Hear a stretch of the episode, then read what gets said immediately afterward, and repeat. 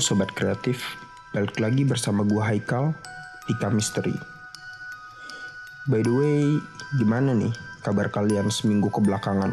Semoga baik-baik aja ya. Oke, jadi kali ini gue mau siaran, tapi gue nggak ditemenin sama Mas Dito. Gue mau siaran sendirian. By the way, Sobat Kreatif, lu tuh percaya gak sih sama yang namanya guna-guna? Nah, soalnya kali ini gue dikirimin cerita nih sama salah satu pendengar setia Kamisteri yang di mana ceritanya itu mengandung unsur guna-guna nih. Ya, gue sendiri sih percaya nggak percaya ya. Soalnya hal yang kayak gini emang nggak bisa dijelasin dengan akal sehat. Oh iya, sebelum masuk ke ceritanya, gue mau ngingetin lagi. Kalau cerita ini adalah cerita yang dikirim oleh pendengar setia Kamisteri. Jadi gue sendiri gak tahu keasliannya. So, kalian boleh percaya boleh enggak. Jadi, langsung aja kita masuk ke ceritanya. Aku kedinginan dan basah Kulihat sekelilingku gelap, kotor, dan bau. Aku bergerak dengan minim. Tubuhku terasa kaku, tak bisa bergerak. Mama, kamu di mana, Mama? Tempat apa ini, Ma? Aku teriak tanpa suara. Aku takut, lelah, dan tertidur. Amelia, gadis cantik berkulit putih, memakai mantel untuk melindungi dirinya. Karena hari itu hujan sangat deras, berlari kecil menyusuri jalan di tengah kota, sambil menahan rasa nyeri di sekitar perutnya karena sedang datang bulan. Amelia masih terus berlari karena ingin cepat sampai rumah. Saat tiba di rumah, Amelia berlari ke kamar mandi untuk segera membasuh tubuhnya dengan air. Amelia bersyukur pekerjaan beratnya bisa diselesaikan hari ini. Amelia bekerja sebagai perawat lansia di sebuah rumah mewah di Bilangan, Jakarta. Gaji besar. Itulah alasan utama mengapa Amelia memilih pekerjaannya itu. Meskipun lansia yang dirawatnya sudah mulai pikun, tapi beliau sangat baik. Lansia bernama Nyonya Mary itu sangat loyal. Nyonya Mary yang blasteran Jerman itu memiliki dua orang anak yang sudah mapan. Anak perempuannya, Hana, tinggal bersama keluarga di Bali, mengikuti suaminya. Sedangkan anak lelakinya, Haris, menikahi wanita pribumi yang halus budi pekertinya. Sekarang Nyonya Mary tinggal bersama Haris dan keluarganya di sebuah rumah mewah. Haris bekerja sebagai seorang konsultan hukum yang sibuk, sedangkan istrinya, Mutia, bekerja di sebuah bank milik pemerintah. Haris dan Mutia belum memiliki anak dari pernikahannya yang memasuki usia tiga tahun. Di rumah besar itu, sehari-hari Nyonya Mary tinggal bersama tiga pelayan. Sementara anak dan menantunya akan kembali ke rumah saat malam tiba. Amelia adalah perawat yang bekerja paruh waktu di rumah Haris. Amelia akan datang pagi hari jam 6 dan pulang sore jam 6 saat malam hari, biasanya Haris yang akan mengurus ibunya. Sebelum Amelia, sudah banyak perawat yang dipekerjakan di rumah Haris. Tapi, tak ada satupun yang cocok dengan Nyonya Mary. Karena selain cerewet, Nyonya Mary kadang lupa pada orang sekitarnya alias pikun yang membuatnya bisa marah-marah saat ada orang asing yang mencoba mendekatinya. Walaupun itu pelayan dan perawatnya sendiri. Hari itu, Amelia diminta oleh Haris untuk menemani ibunya selama dua hari karena Haris dan istrinya harus pergi mengunjungi keluarga di kota Batam. Dengan janji akan memberi bonus pada Amelia, tawaran Haris pun diterima oleh Amelia.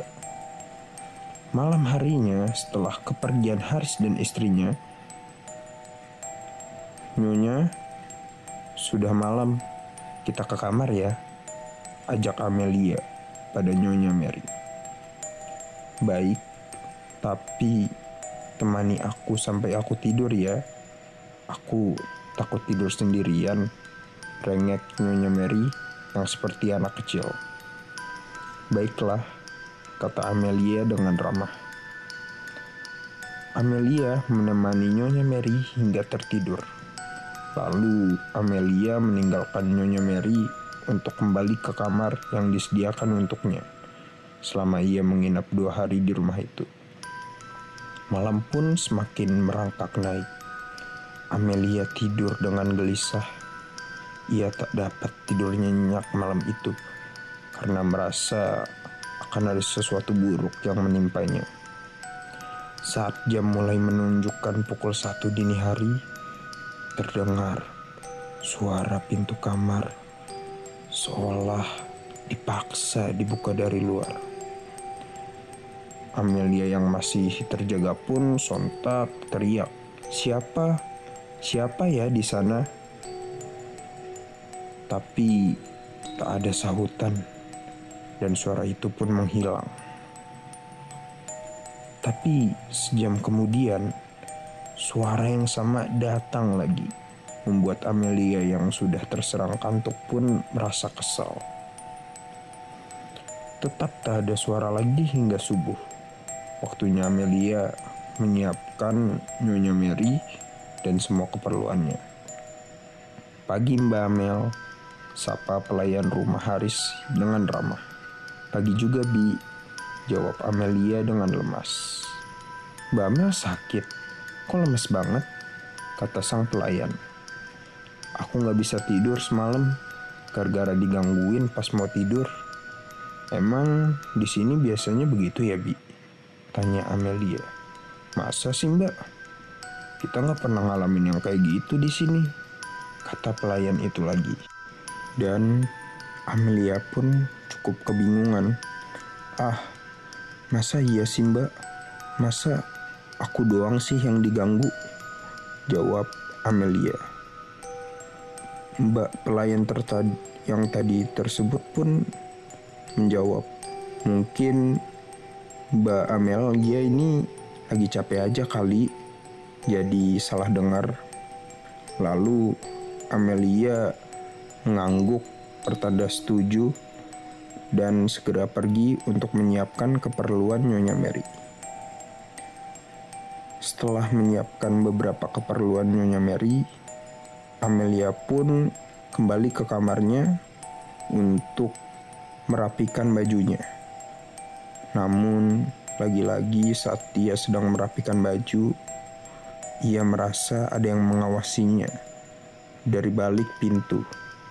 Namun, ia memilih untuk menghiraukannya karena masih banyak pekerjaan yang harus ia selesaikan.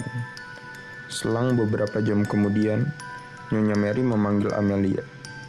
Mel, kamu di mana Mel? Tanya Nyonya Mary. Amelia pun sontak menjawab, Iya, sebentar Nyonya.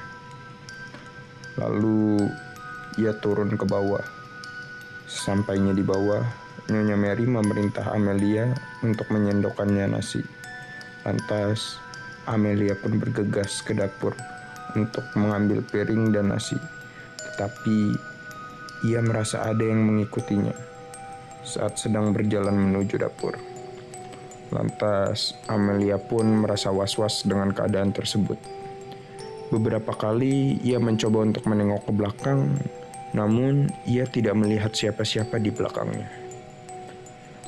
Ia pun cepat-cepat menyendokkan Nona Mary nasi dan segera kembali ke ruang utama untuk memberi nasi itu kepada Nyonya Mary. Hari pun berlalu. Sore telah tiba.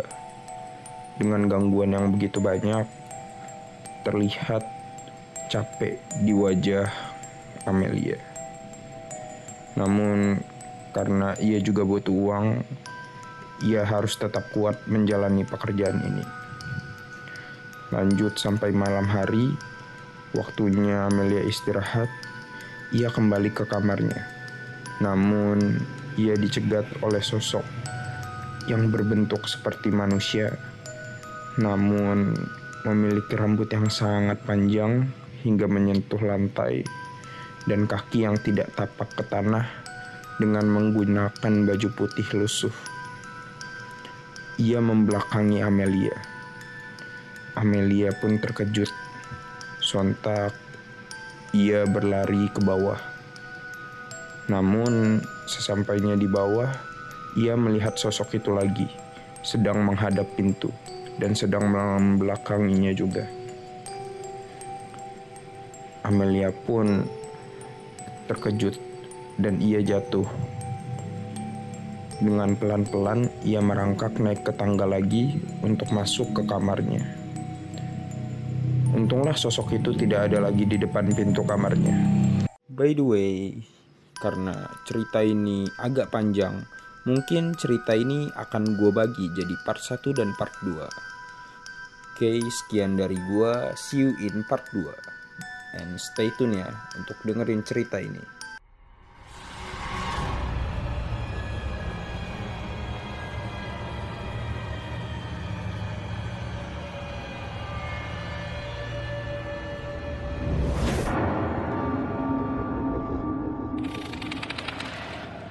Please like and subscribe Horror in channel.